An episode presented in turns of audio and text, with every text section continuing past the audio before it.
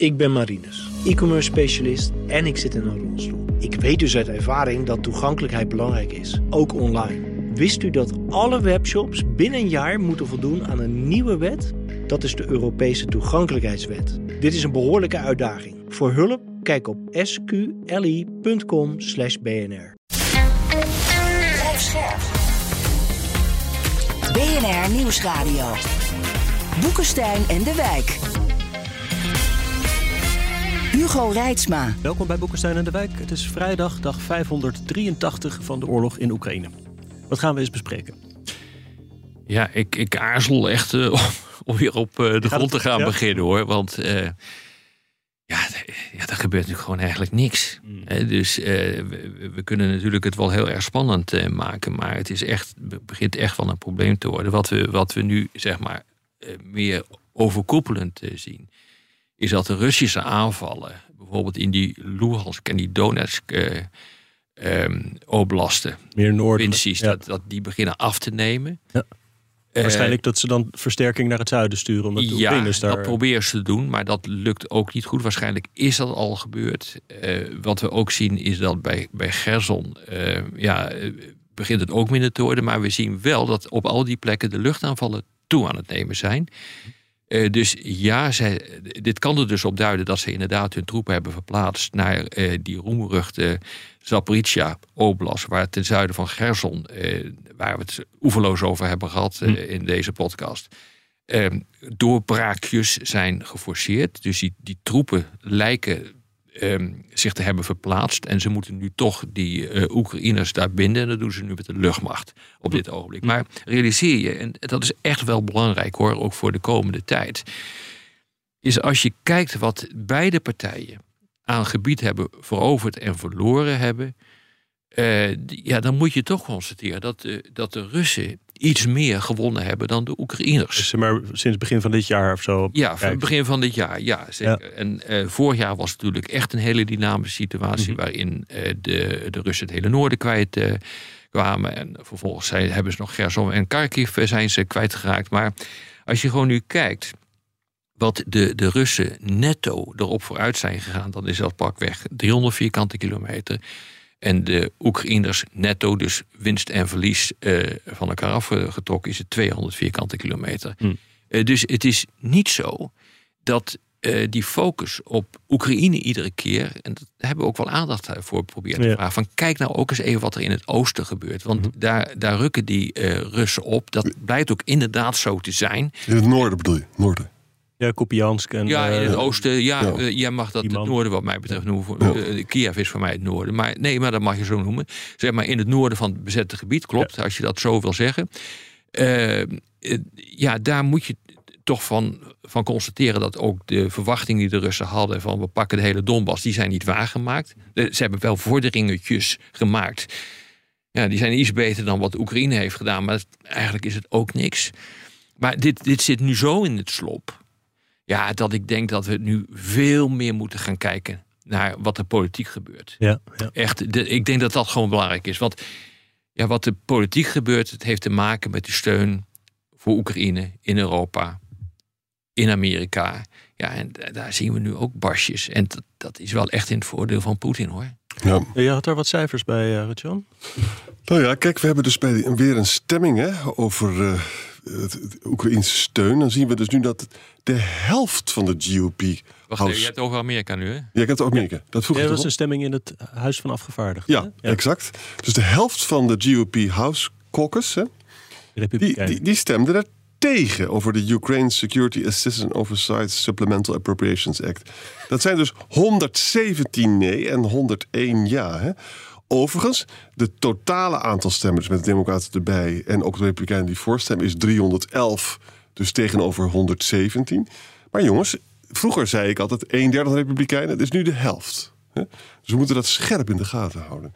En wat, wat, wat Rob nu zegt is natuurlijk van ja, als er een steelmeet, als er impasse blijft. Het is gewoon echt een impasse. Ja, bedoel, dan, dan wordt het een splijts van. Ja, dat is iets wat we niet willen horen. Hè? Ja. we willen gewoon goed nieuws horen. Ik, ik, ik zie dat ook op de sociale media van ah, dat is sombermans. En uh, nou, Arend Jan heeft zijn uh, Sommermans imago afgeschud. Die is alleen nog maar optimistisch. Maar zelfs Arend Jan moet toch constateren nu dat het echt gewoon in de slop zit, toch? Ja, zeker. Maar het is wel zo dat op de Krim vind ik toch spectaculaire ontwikkelingen de laatste hm. weken. En ik vind ook, maar ja, het is maar klein, dat uh, je ziet dus in Saporizia dat er een kleine vooruitgang van Oekraïne is. En je ziet dus dat dat extra, dat, zeg maar dat reserveleggen, die 25 combines arm, dat die dus wordt een beetje mondjesmaat overal gestopt. Dus je zou wel kunnen zeggen dat de, dat de Russen het niet zo makkelijk hebben. Nee, dat is ook zo, maar de Oekraïners ook niet. Ja.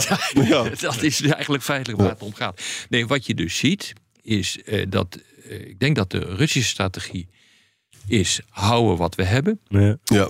Uh, duur, laat het zo lang mogelijk uh, doorduren. Uh, die, want dat betekent dus dat dat een aanslag is op het draagvlak in het Westen. Ik denk dat dat, dat ook klopt. Ik begrijp dat. Wat Oekraïne doet, is de boel verbreden. Ja. dus het wordt veel meer een, een totale oorlog. Hè? Ja. Dus je ziet, omdat het vastzit aan het front, zie je dat men op andere manieren probeert om voordeel te krijgen. Nou, dat zijn die aanvallen uh, op de Krim, maar ook aanvallen van Oekraïne op Russisch grondgebied. Mhm. En wat de Russen doen, is aanvallen op de infrastructuur, ja. elektriciteitsvoorziening, maar vooral ook op de graanexporten. Dus doordat het vastzit, zie je dat beide partijen op een andere manier uh, ga, zich gaan manifesteren. Ja, ik zag wat dat betreft ook, volgens mij was dat net binnen een Oekraïense drone-aanval op een Russisch elektriciteitsverdeelstation. Ja, dat is wat er, wat er vandaag is gebeurd. Ik ga beginnen even met donderdag, voor de chronologie, als je het goed vindt. Nou, 33 van de 34 drones neergehaald uh, bij Odessa. Dus weet je, allemaal weer dus die graanstructuur. Die zijn dus veel van neergehaald. Hè. Er was ook gisteren een, een Russische aanval op Kirvorod Oblast. En ook op de infrastructuur van Mykolaiv. Uh, vandaag, moet ik even goed kijken, Russische granaten op Gerson, maar dat is heel vaak het geval. Hè? En dan komt die van jou, Oekraïnse drone op een elektriciteitscentrale 50 kilometer over de grens in Belaya. En ook een Oekraïnse drone, maar dat is in Belgorod, maar die is neergehaald. Dus ook hier zien we dus, het gaat gewoon door. Maar natuurlijk minder intensief dan wat, wat, we gewend waren. Omdat er kennelijk niet zoveel kruisraketten zijn aan de Russische kant. Hè? Mm. Gisteren bracht uh, Jens Stoltenberg een verrassingsbezoek aan Kiev, secretaris-generaal van de NAVO. Ja, met twee ministers. Hè? De minister van Defensie van Duitsland, nee, van Engeland en van Frankrijk. Ja. ja. Arjan? Nou, wat daar dus gebeurt, en er wordt ook heel erg over gesproken. Van, kijk, er is natuurlijk een enorm probleem met munitietekort en van 105 mm en ga zo maar door. Hè. Dus wat doen ze nou? Uh, nu gaan Amerikaanse bedrijven, Britse bedrijven en Duitse bedrijven gaan op Oekraïns grondgebied, een soort joint ventures aan en gaan daar ook gewoon wapens maken. Hè? Er wordt gesproken over bijvoorbeeld uh, British uh, BAE. Hè? Ja. En Rijnmetaal? Rijnmetaal wordt gesproken en ook nog een Amerikaanse bedrijf. En dan hopen ze daar nog maar wat te doen. Dat, dit, dit duurt natuurlijk allemaal lang. Hè? Dat gaat allemaal niet zomaar. Nee, maar het duurt ook heel lang in Europa. Ja. Dat wij hier een keer de productie hebben opgeschroefd. Nou ja, het, munitie is een erkend probleem. Uh, dat uh, dat uh, eigenlijk al een jaar lang, anderhalf, twee jaar bijna inmiddels, zien we dat er veel meer munitie doorheen wordt gedraaid dan de industriële capaciteit hm. is. Ja, we hebben het al eerder over gehad. Uh, de Europese Unie heeft uh, plechtig toegezegd dat er een miljoen granaten voor het eind van het jaar zouden worden geleverd. Nou, dat gebeurt dus gewoon niet. Ja, dat gaat niet gebeuren. Dus, dat, dus je moet op, dat op een of andere manier toch zien te compenseren. En ik denk dat het verstandig is om dat in Oekraïne proberen te doen. Alleen je moet dan wel in een oorlogssituatie moet je, moet je je productie op zien te schroeven. En ze gaan dus ook luchtafweer om dat fabriekje zetten.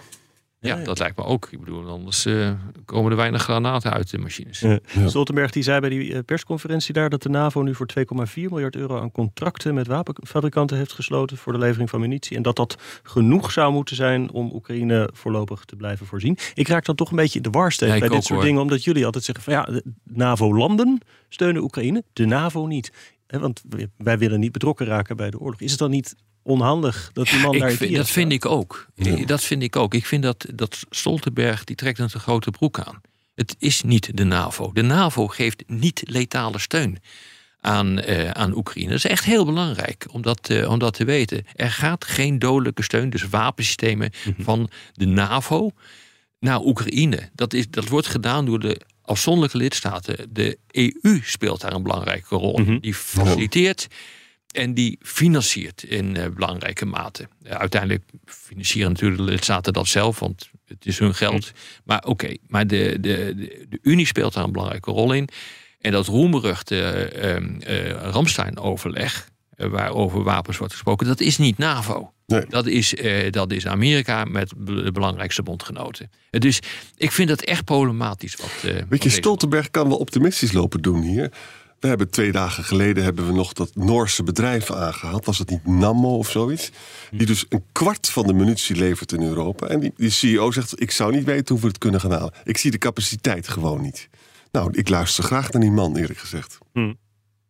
De Russen zijn ook behoorlijk aan het opschalen, blijkens de, de defensiebegroting. Ze, willen dus, ze hebben dus, de Russische hoge ambtenaren berekend, ze moeten 69% meer uitgeven aan militaire uitgaven. En dan zouden ze de oorlog kunnen winnen.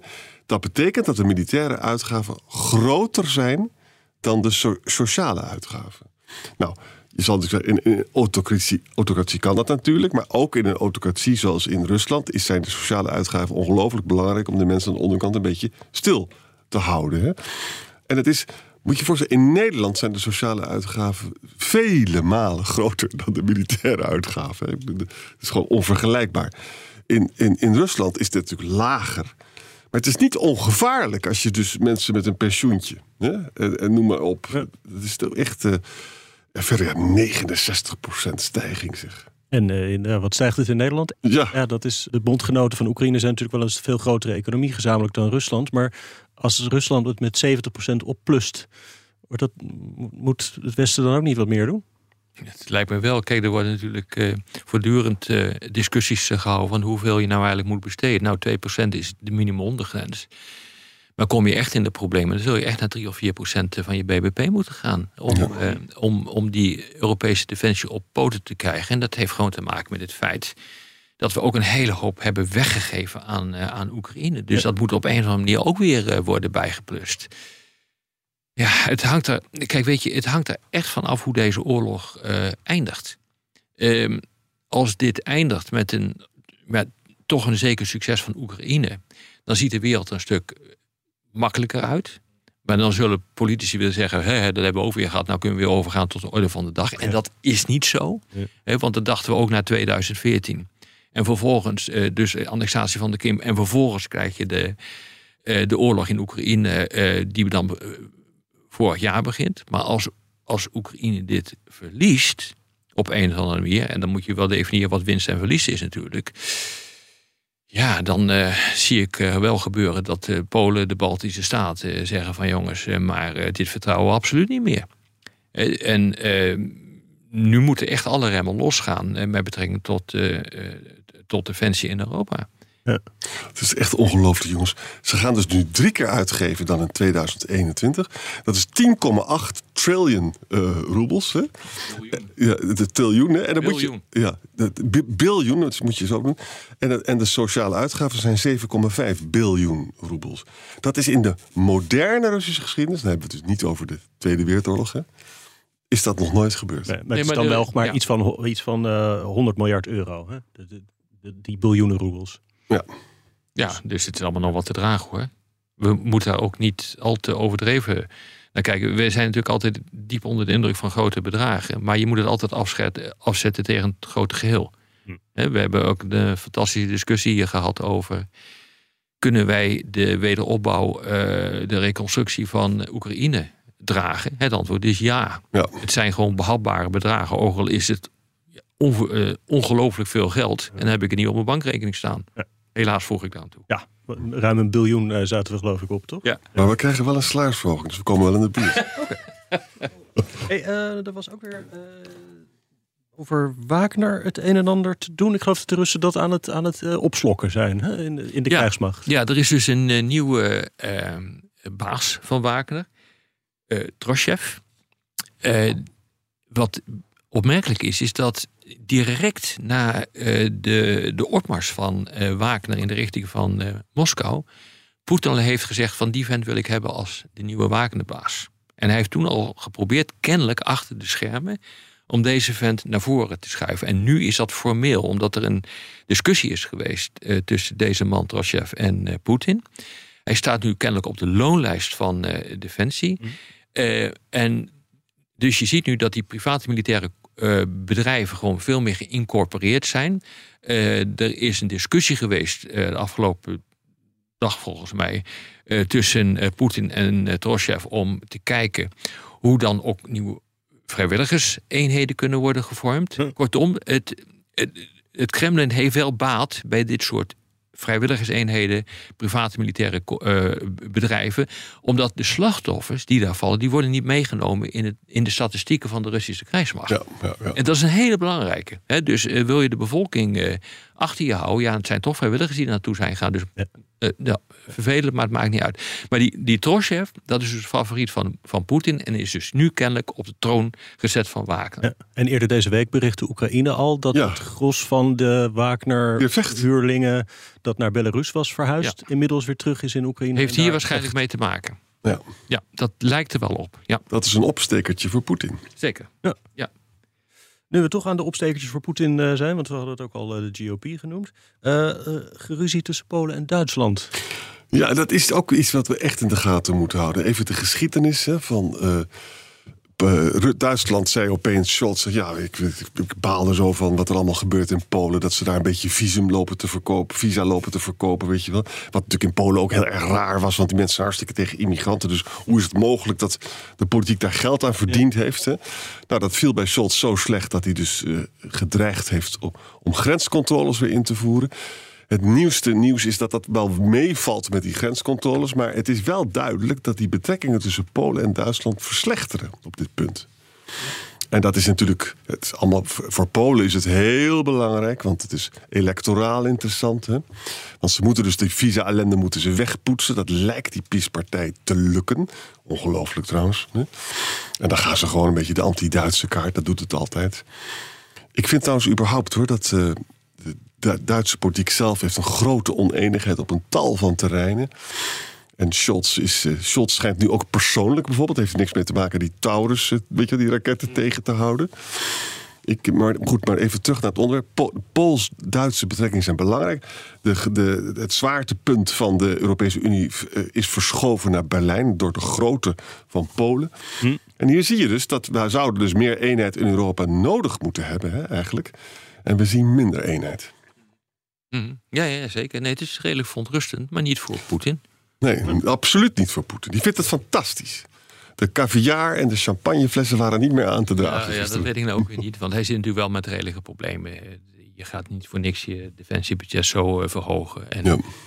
uh, dit is denk ik wat Poetin ook niet wil. Zo'n oorlog die zo lang duurt. Mm. Uh, dat kan ik me niet voorstellen. Want dit, dit, dit uh, haalt fondsen weg bij uh, die je ergens anders hard nodig hebt. Je ja. raakt hoe je dan ook bent of keert. Je bent uh, de paria van een belangrijk deel van de wereld geworden.